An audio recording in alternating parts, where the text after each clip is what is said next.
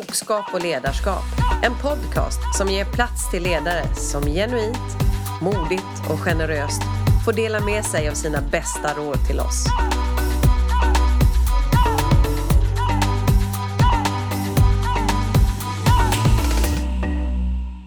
Ehm, då hälsar jag Jeanette Berggren välkommen. Du är ju produktionschef på LKAB och eh, just nu så är du i Svappavaara där uppe.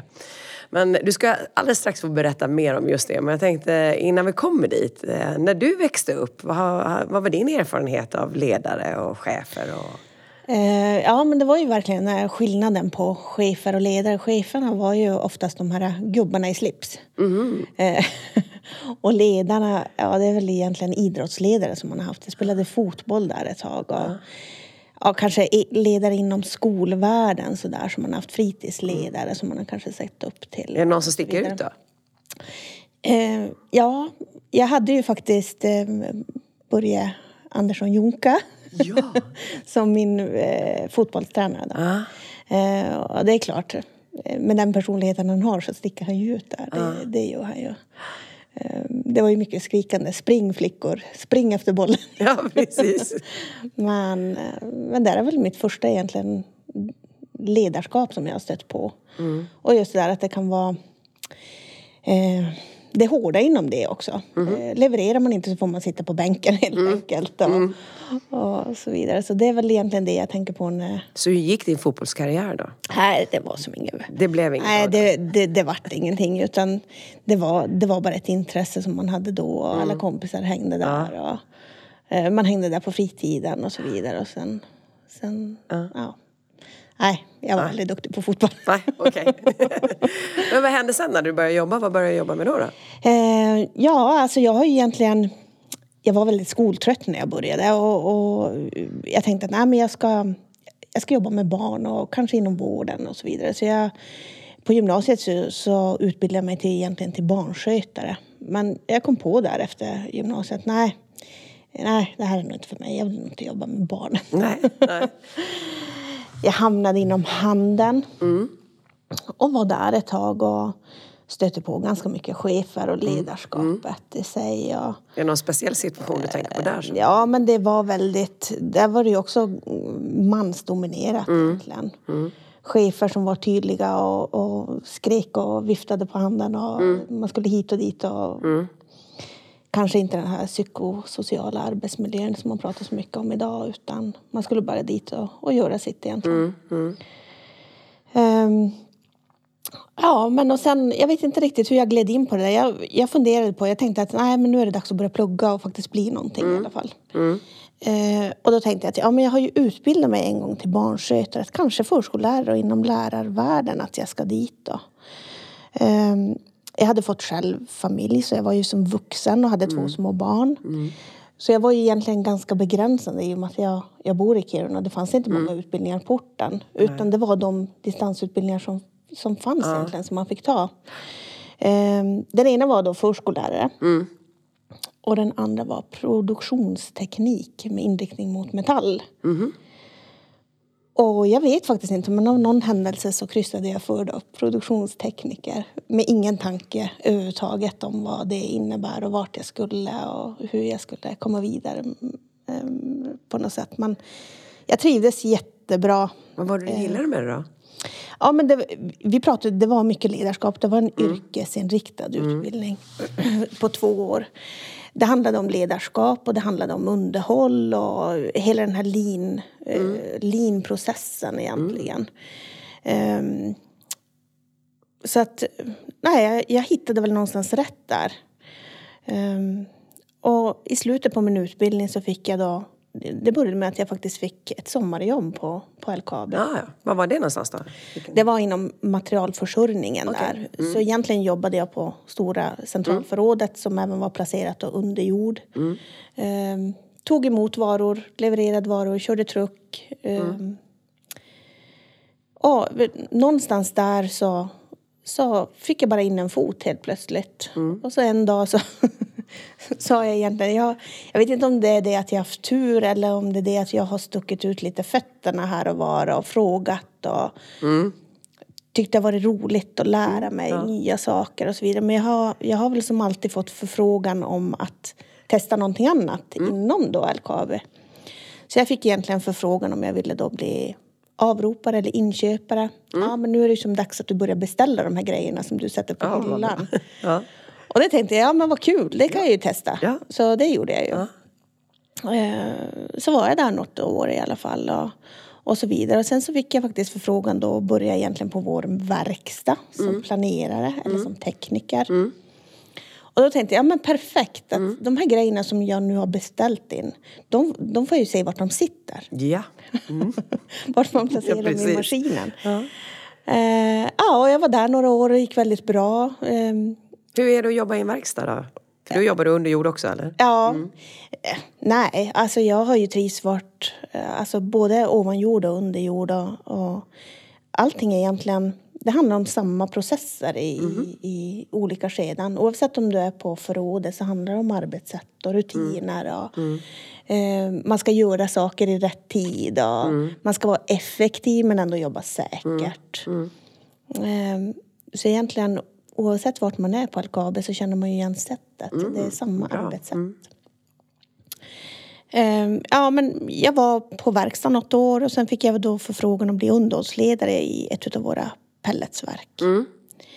KK2, KK3. Eh, jätteroligt men jag tänkte, oh, nej, nu börjar det bli stort. Ja, det, alltså, det är ju ett Det stort jobb. Det är det ansvarsfullt. börjar bli stort. Ja. Eh, ja, och, jag tänkte nej, men det här måste jag ju pröva på. Det här är jättekul. Att nu får jag ju som chansen ändå att se de här maskinerna som vi har plockat ihop alla de här grejerna av. Nu får jag ju se vart de sitter och vad de har för funktion. Eh, Så det är ditt sätt att få det liksom bli hanterbart, den här stora utmaningen att, Ja. få, att få följa. Exakt, få se ja, alla de här växellådorna. Var sitter Ja, de egentligen? ja. De sitter ju i, i någonting större. Ja. jag hamnade där i alla fall och vart underhållsledare. Trivdes jättebra. Vad var det bästa med det då? Ja, men, eh, du- var ändå underhållsledare. Du ska ändå få ihop underhållet så att Mm. det funkar. Men du är så nära människorna egentligen. Så att... eh, Och varje dag händer det ju någonting nytt. Ja, det det det var hela Det måste- tiden nya problem och nya saker att lösa. Och hur går man vidare och hur får man ihop det mjuka med det hårda? För det är egentligen det det handlar om. Hur ska vi ha de här effektiva processerna då? Och människan måste, är, ju, är ju den största biten egentligen. Men hur gör du där för att få upp, om man säger, då, liksom, om man säger teori med praktik? För det är ju som du säger, oftast är det ju ont om tid när saker och ting går sönder. Liksom där, och även om det jobbas med underhåll och man försöker vara proaktiv så är det ju kanske när det verkligen liksom händer som allting måste fungera. Ja. Så hur gör man? Ehm, ja, alltså man lär ju sig givetvis med tiden. Du lär Mm. ju dig att prioritera. Eh, Så är det ju. Men sen så, sen så är det ju viktigt att vara den här dämpande kudden någonstans. Mm. Du måste ju vara en, en dämpande kudde från chefer högre upp som säger att ja, produktionen ska igång. Mm. Men jag ser verkligheten att ja, men det går inte fortare än vad det går. Nej, nej. Utan det är ju faktiskt människor som är där längst nere i kedjan. Och, Och hur ska vi göra det här då på ett säkert Mm. sätt? Eh, ofta så kan man ju få ihop saker och ting som, som havererar ganska fort. Men man ska inte gena i kurvorna.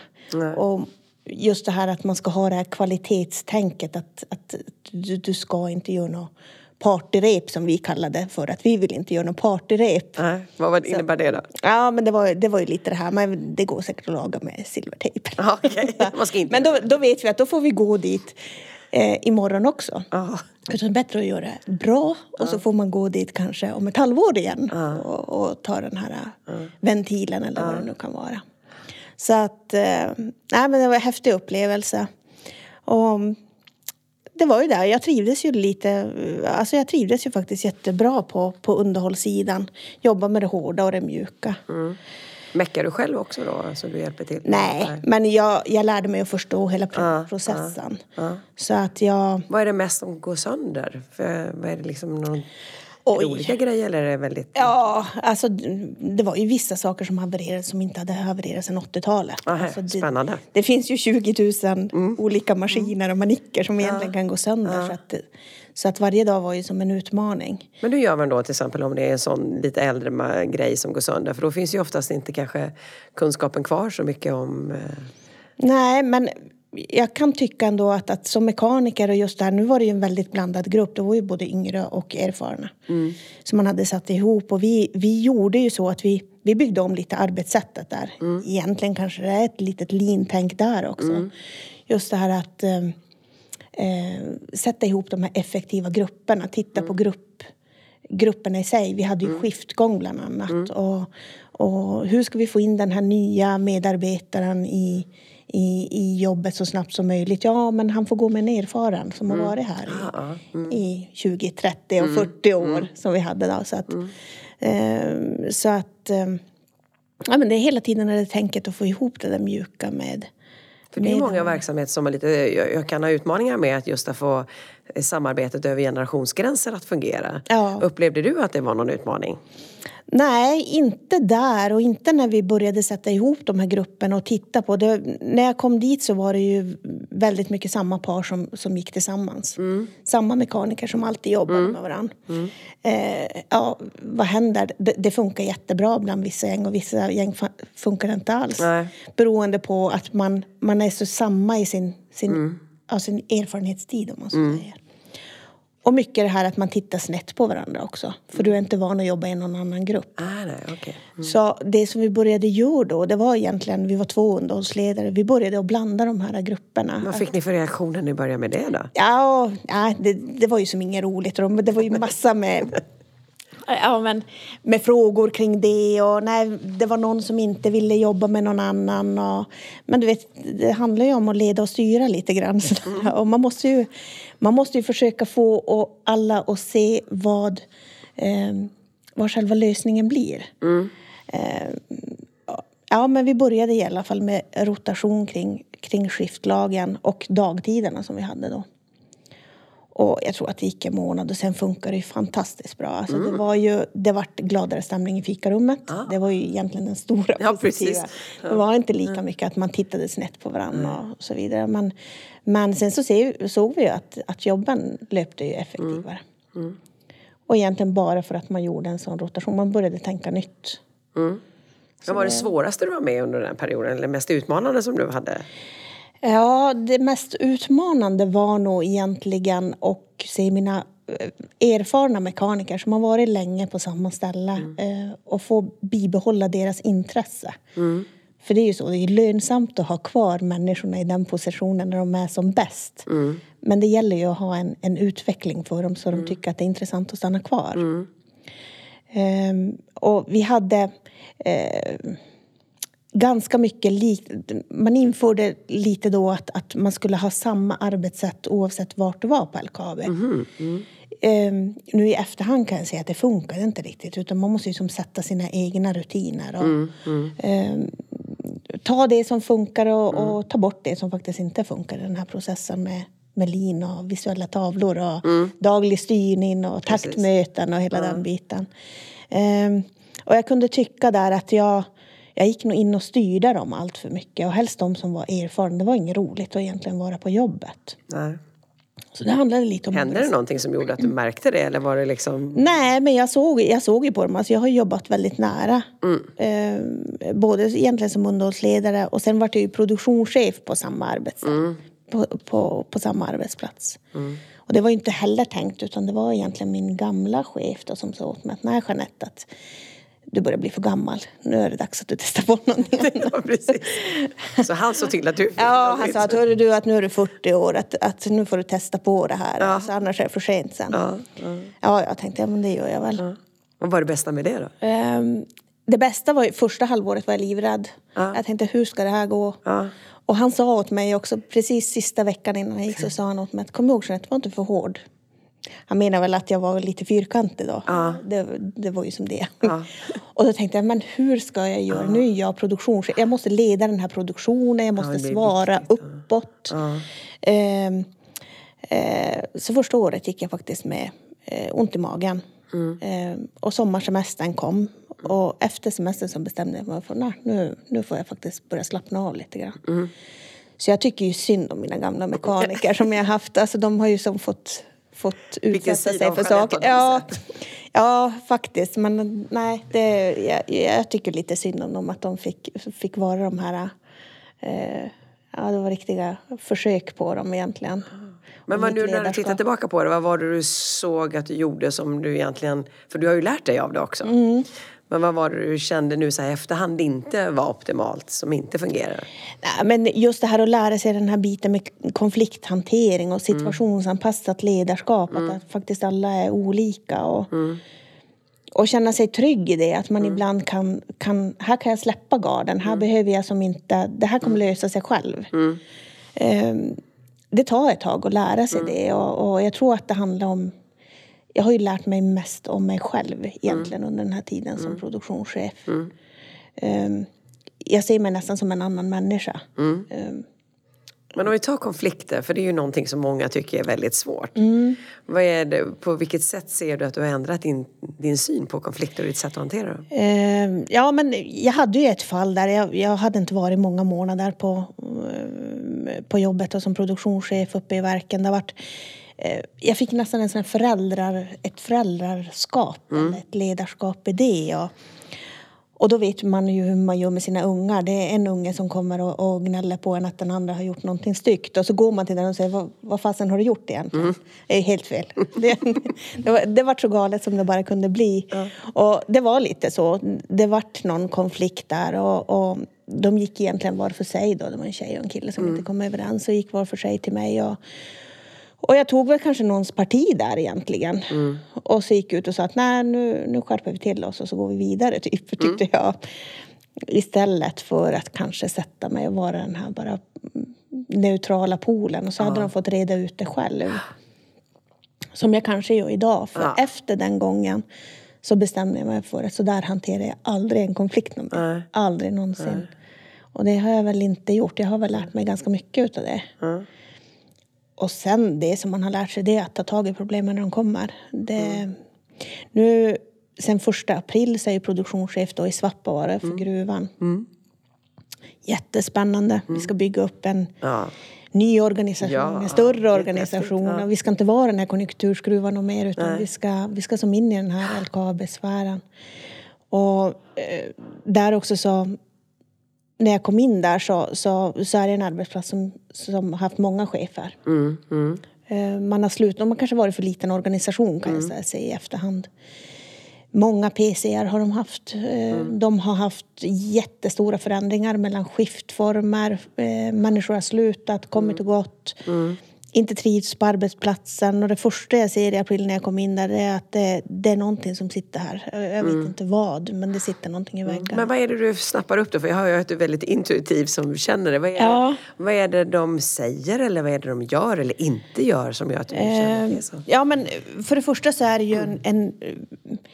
De suger ju som in mig på något sätt. För de är ju vana att ha en chef som kanske bara är där ett halvår. Så alla problem de har vill de ju lösa direkt. Så i något skede så får jag ju som backa och säga att men vänta nu, att nu ska jag vara kvar här. Att vi, vi löser inte allting på en kafferast utan vi måste ta det i, i, i den prioritetsordning som den kommer på något sätt. Eh, Men sen så inser jag ju att det, i ett skiftlag så är det mobbing.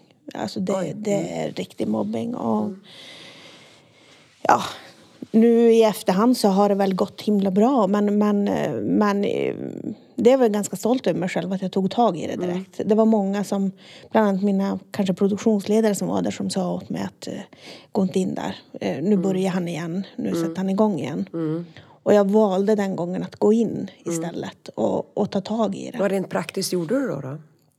Ehm, Ja, det var faktiskt en person som det, det har gått så långt ut för, för han och han har, han har kunnat bete sig på ett sätt i, egentligen i år. Det har varit, det slutar med att han dominerar hela den här arbetsplatsen och han skäller inte ut folk och skriker och, och är arg och Var de andra man rädda vill, för honom? Ja, eller? de är rädda och vill inte komma till arbetsplatsen. Så, ja, men det som händer är att jag tar in honom direkt.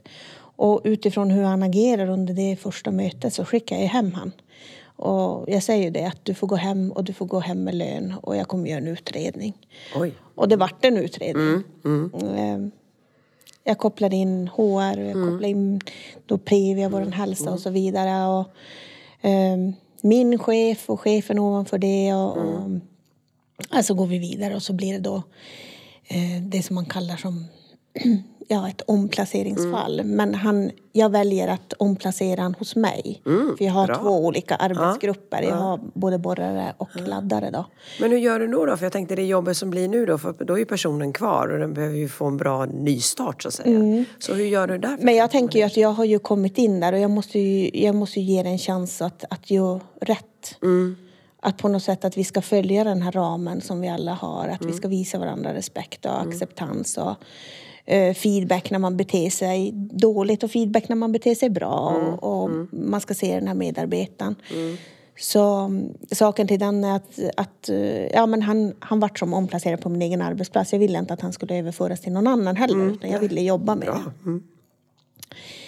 Nu visar det sig att han trivdes inte riktigt som Mm. det var. Vi har haft bra kontakt idag kan jag säga. Mm. Och efter, efter den här händelsen. Han, han har sagt upp sig själv då för Mm. han ville inte bli omplacerad. Så att han sa upp sig då. Men, men eh, det sista han sa åt mig var att ah, jag vet inte om jag någonsin har trivts. Så jag vet inte om jag hade velat vara kvar här tills pensionen då. Så att, Nej. så jag tror att det löste sig ganska bra för båda. Alltså det, det var som en, en spik i kistan som gjorde att, att man fick vända blad och gå vidare på något sätt. Så att... Eh, nej men så det... Jag är glad över att jag tog, tog tag i det direkt. Häftigt. Ja. Jag tänkte, vad är det som gör att du vågar göra det? För det, liksom, det, det krävs ju lite grann och uppenbarligen har ju kanske andra inte tagit tag i det. Vad är det som du har som gör att du vågar? Jag vet inte, det är väl den där genuina känslan att det ska vara bra på arbetsplatsen. Eh, Jag tror ju att produktion och det hårda kommer med det mjuka. Funkar det att man har, eh, eh, har det bra i fikarummet, man eh, har en, en skön och trygg känsla för arbetsplatsen som man går till så, så löser sig allting annat sen.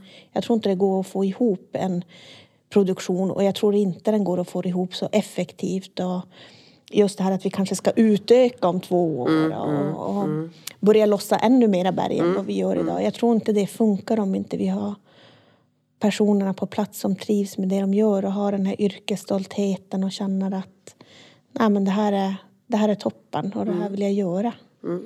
Eh, en av de sakerna som jag vet ibland kan vara utmanande det är just att få semestervikarier. Eh, så jag menar, hur är det för dig då? Ja, men då, då var det där. Det är ju, den jätte, jättestora utmaningen som jag hade det var ju då första april då när jag eh, började i gruvan 2018, för ett år sedan. Ja. Och det visade sig då att andra veckan som jag började på min arbetsplats så, så är det 8 till 10 personer som, som säger upp sig. Oj! Eh, jag frågade givetvis om det var någonting personligt men det var det inte. Utan det, det var vår konkurrent då som öppnade en gruva i Pajala och så for de tillbaka hem då. Eh, och det är klart, då fick jag ju faktiskt lite ont i magen. För då hade semesterlistan blivit godkänd. ja. Jag vet att de andra ska dra iväg på semester. Ah. Och de här åtta personerna som försvinner då till Pajala, de, de kommer ju sluta i mitten på juni redan.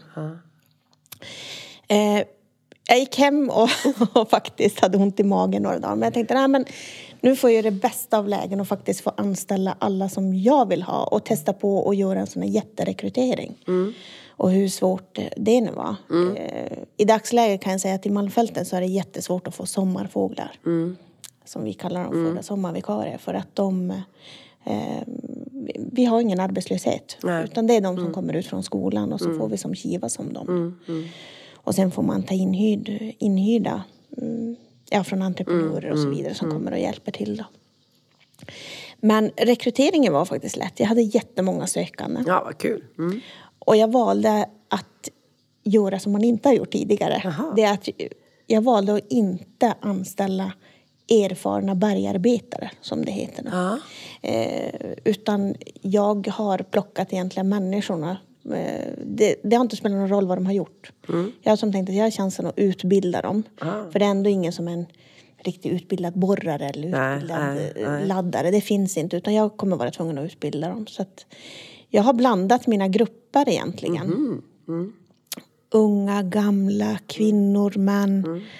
Tidigare, tidigare så var det mm. nästan bara män som jobbade hos mig och kanske som var medelåldern och, och den typiska kanske bergarbetare som alltid hade varit så på plats. Men, Men när du letar efter de här människorna då, eller när du, vad är det du vad är det du vill se hos dem? Vad är det du vill ha för något? Ja, jag letar efter bra människor. Ja, så vad är en bra människa enligt dig? ja, men för det första så att de hade den här känslan av att de, att, att de ville göra något nytt, att de mm. ville lära sig och eh, se lite andra saker. Jag har ju både valt människor som kommer från vården och från handeln mm. och eh, ja, från massor av egentligen mm. andra yrken. Men, men eh, jag kan inte säga att, att att jag har en speciell personlighet utan jag, jag tänker ju så här att det är ju det, är det olika som, som, mm. som, som gör gruppen. Oh.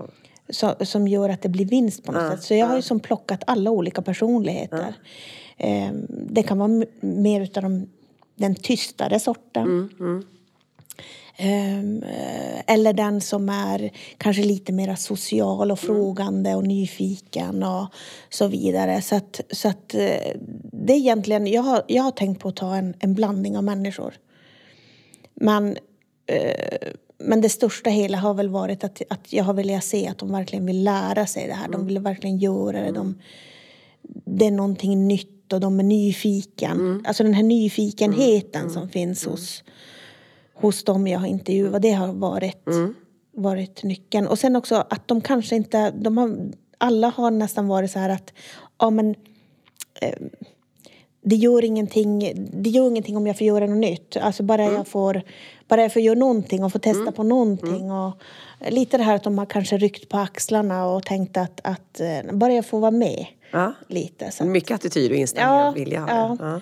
Har det funkat bra då? Har du varit nöjd med dina rekryteringar? Åh oh, gud, det har funkat jättebra. Mm. Och vilket härligt gäng det ja, vad alltså, det, ja, alltså, Jag tror att, att eh, varje dag, det är ingen dag som har, har känts jobbig att gå till jobbet. Utan det, vi har ju problem som alla andra. Vi har ju konflikter som vanligt. Och, eh, det dyker upp lite små eh, grejer sådär om, om arbetssätt och rutiner och sånt där. Men vi mm. löser dem på mm. ett annat sätt. Mm. Det har blivit jättemycket roligare stämning i fikarummet. Mm. Eh, jag ser ju bland annat med, med de, som faktiskt, eh, de som faktiskt har valt att vara kvar. Mm som nu inte vill söka bort från oss. Mm. Utan de, mm. de känner ju som att det, det är någonting nytt och det är en ny grupp. Du får med bygga någonting. Ja, mm. precis. Vi bygger upp, vi bygger upp Svappavaara helt mm. enkelt. Och vi bygger upp Svappavaara gruva. Och, mm. och vi får egentligen mandatet att göra det på, mm. på, på det bästa utav, ja, på det bästa sättet. Ja men faktiskt, det är ju, det är ju faktiskt en förmån att få vara med och bygga om från, bygga från början. Ja. Det är inte så många som får det. Många kommer in och ska ta över och förvalta. Ja, ja. Men jag tänkte också på, du har ju erfarenhet av att leda både sådana som är då äldre som vi har pratat om, att eh, få dem att bli motiverade och fortsätta utvecklas och vilja. Mm. Eh, och så har du ju också de yngre som kommer in, är de lika motiverade? Är det lika lätt att driva dem? Ja, det är det. Men de, de, man får ju ha det här situationsanpassade hela tiden. Mm. Tänket att, att, ja men vad är det här för människa mm. och hur går jag vidare med saker och ting. För det är ju någonting som jag själv har lärt mig. Jag kan vara ganska snabb. Mm jag har fort en lösning, mm. alltså snabb, lösningsfokuserad och så springer jag iväg och så mm. vänder jag mig om och så ser jag att fan hälften är kvar. Precis, oj! så att, så att jag har ju också fått lära mig, lära mig att backa och kanske ta det lite lugnt och vara lite pedagogisk mm. ibland. Och... När du tänker tillbaka så här, är det några personer som sticker ut? Som man har, så här... eh, ja, men... Ja, där. Jag har ju haft ändå så, så pass många olika ja. människor. Så att, så att alla är ju som så härliga. Det är som en, jag brukar ju säga att det är som ingått och blandat påse. Ja. Eh, men eh, ja, det är klart att jag har jag har haft personer som sticker ut och alla sticker ut på något sätt. Mm. Alla gör sitt spår. Ja, mm. det gör de verkligen. Mm. Du berättar om en stenletare. Ja, ja det var ju... Fast stack ut åt ett annat håll ja, kanske? Ja, precis. Alltså, ja. Det var ju förra året som, som jag då fick i alla fall några sommarvikarier som mm. kom till mig. Och bland annat en herre som var jätteintresserad och verkligen ville komma då på laddningen och ladda. Eh, jag inser ju kanske någon gång där efter någon vecka på sommaren, nej, han, är, han är nog kanske inte här för att ladda utan han, han var ju en stenletare. Ah. Och det är ju så här att jobbar man i Svappavaara och jobbar man i Levenimi gruva så, så finns det faktiskt en, vissa metaller som, Mm. som, som intresserar då, de som har det Mm. intresset. Eh, för mig ser det ut som gråsten. Mm. Men, eh, men eh, nej, han, han var ju som en stenletare då.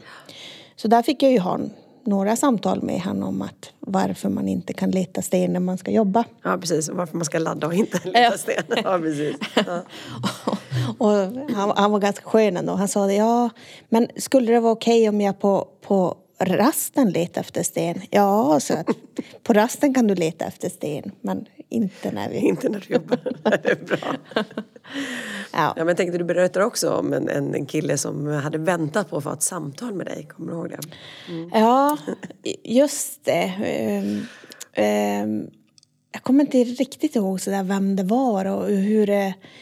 Kommer du ihåg? Ja, jag kommer ihåg det. För det du berättade var just att du hade så avstämningssamtal med dina medarbetare och det här var en, en sommarfågel som skulle precis egentligen avsluta. Eh, Men då tyckte du att, eh, för du är en person som inkluderar, att den personen skulle vara med också. Så att du bokade ett möte med honom med och jag vet att när du berättade för mig, då sa du så ja och så satt han där och han var så nöjd för han, för, han började med att säga det här har jag sett fram emot. För jag undrar vad du har för plan för mig. och och du, du blev lite tagen på liksom, eh, oj, jaha, ska jag ha en plan för dig? Ja, Ja. ja. precis. Ja. Ja. men just det. Det var, och det var nog faktiskt när jag var ganska ny som, som Ja. PC där uppe Ja. i verken. Eh, ja, han förväntade sig att jag skulle ha den här eh, stora då planen över Mm. honom. Och jag ville ju ändå ha ett, ett avstämningsmöte där jag, varit, jag skulle berätta hur det hade gått på sommaren Precis. och att han faktiskt kunde söka tillbaka om han ville. Men, men jag hade inga fasta tjänster. Nej. Ehm, jag tror faktiskt att han vart, han vart nog ganska besviken Mm. över, över det samtalet. Man, eh, jag försökte vara så reko som möjligt Mm. och säga att så, det här har gått bra och det här har inte gått så bra. Och vissa gånger så kan det vara bra att testa på något annat också. Mm. Eh, Så jag skickade ju han vidare sådär med en, med en liten glad spark att testa någonting annat också. Ja, så att, ja. Ja, men det är rätt intressant just det här att, man titt- att andra kanske förväntar sig att man som chef har en plan för dem. Ja. Eh, För många gånger så tycker ju vi som chefer kanske att medarbetarna har en plan eller Ja. vi tror att de har en plan. Ja, exakt. Nu, nu när du börjar bygga nytt nu då, vad är det du själv ser? Vad är det, vad är det som kommer vara svårast? Vad kommer vara om man säger, enklast? Mm. Jag har ju i alla fall bestämt mig för att jag inte ska ha eh, sånt hårt styrande ledarskap i den meningen som jag, som jag haft tidigare. Eh, I ett verk när man jobbar med underhållet och det händer mycket saker så är man, man jobbar egentligen mot arbetsordrar. Jag skickar ut de här arbetsordrarna till mina mekaniker och så, så får de inte riktigt tänka själv. Nej. Eh, Så nu blir ju eh, ja, svårigheten, eller vad ska jag säga, utmaningen i mitt ledarskap det är ju att vi arbetar inte efter arbetsordrar utan de planerar upp sin dag själv. Men det gäller ju även att hålla sig inom den här ramen. Eh, Så jag vill ju att jag vill ju få ut det bästa möjliga utav mina medarbetare. Eh, Och samtidigt egentligen bara vara där och, och småstyra dem när jag behöver. Är det det enklaste eller är det det svåraste? Det är det svåraste. Ja, varför är det svårt då? Är väldigt enkelt att jobba efter papper och penna och bara eh, peka med hela handen, det här ska vi göra och, och, och kanske förklara hur man ska göra det också. Eh, Jag tycker det är jätteroligt, de är så otroligt kompetenta mina borrare och laddare. Även de som är nya har, har kommit in snabbt i jobbet och där vart jag får lära mig hela tiden.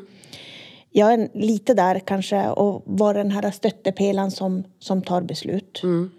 Eh, men jag, jag, jag pratar egentligen med, med mina medarbetare. Och hur tycker ni och ska vi, hur ska vi gå vidare? Sen ser jag ibland att de vill att det är jag som tar beslutet och då gör jag det. Eh, så jag är inte rädd för det och det får man inte vara heller. Eh, jag ser till så att vi arbetar säkert. Eh, jag tycker att vi ska göra saker och ting med kvalitet. Inte i kvantitet. Så att eh, så utmaningen blir nu att, att eh, se så att vi blir så pass effektiva som möjligt. Med att bara styra lite grann, bara peta med sina fingrar lite i kanterna för att få in alla i ramen egentligen. Vad tror du blir enklast då? Det enklaste blir nog egentligen att det, det kommer vara roligt under tiden. Eh, Det är en fantastisk arbetsplats. Och jag har mandatet idag att vara chef. Ja, alltså på kul. riktigt. Och få ta de här besluten och göra de här misstagen. Och, eh, och så vidare. Så jag tror ju att, jag tror att det kommer bli en framgångssaga. Svappavaara. Det hoppas vi att det Ja. blir, verkligen. Ja.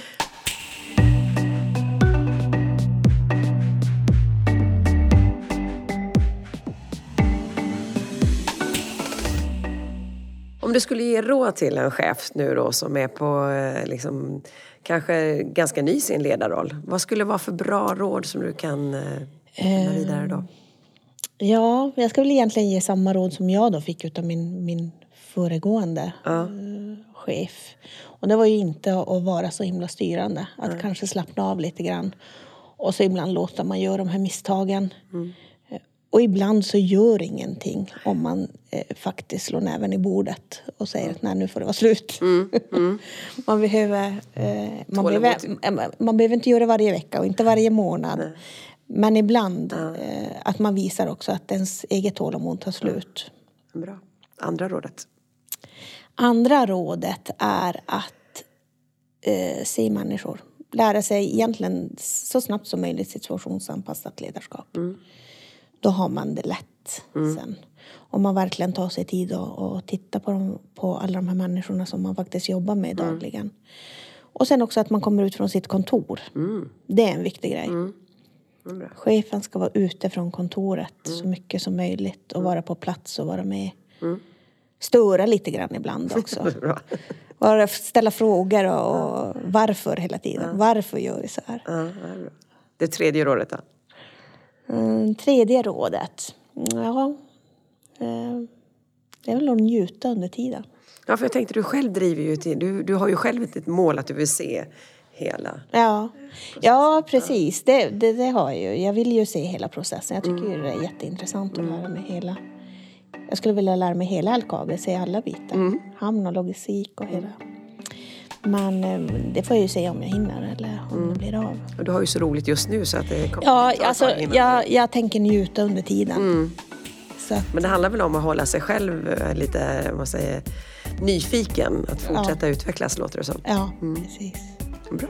Tack för att du kom. Ja, tack.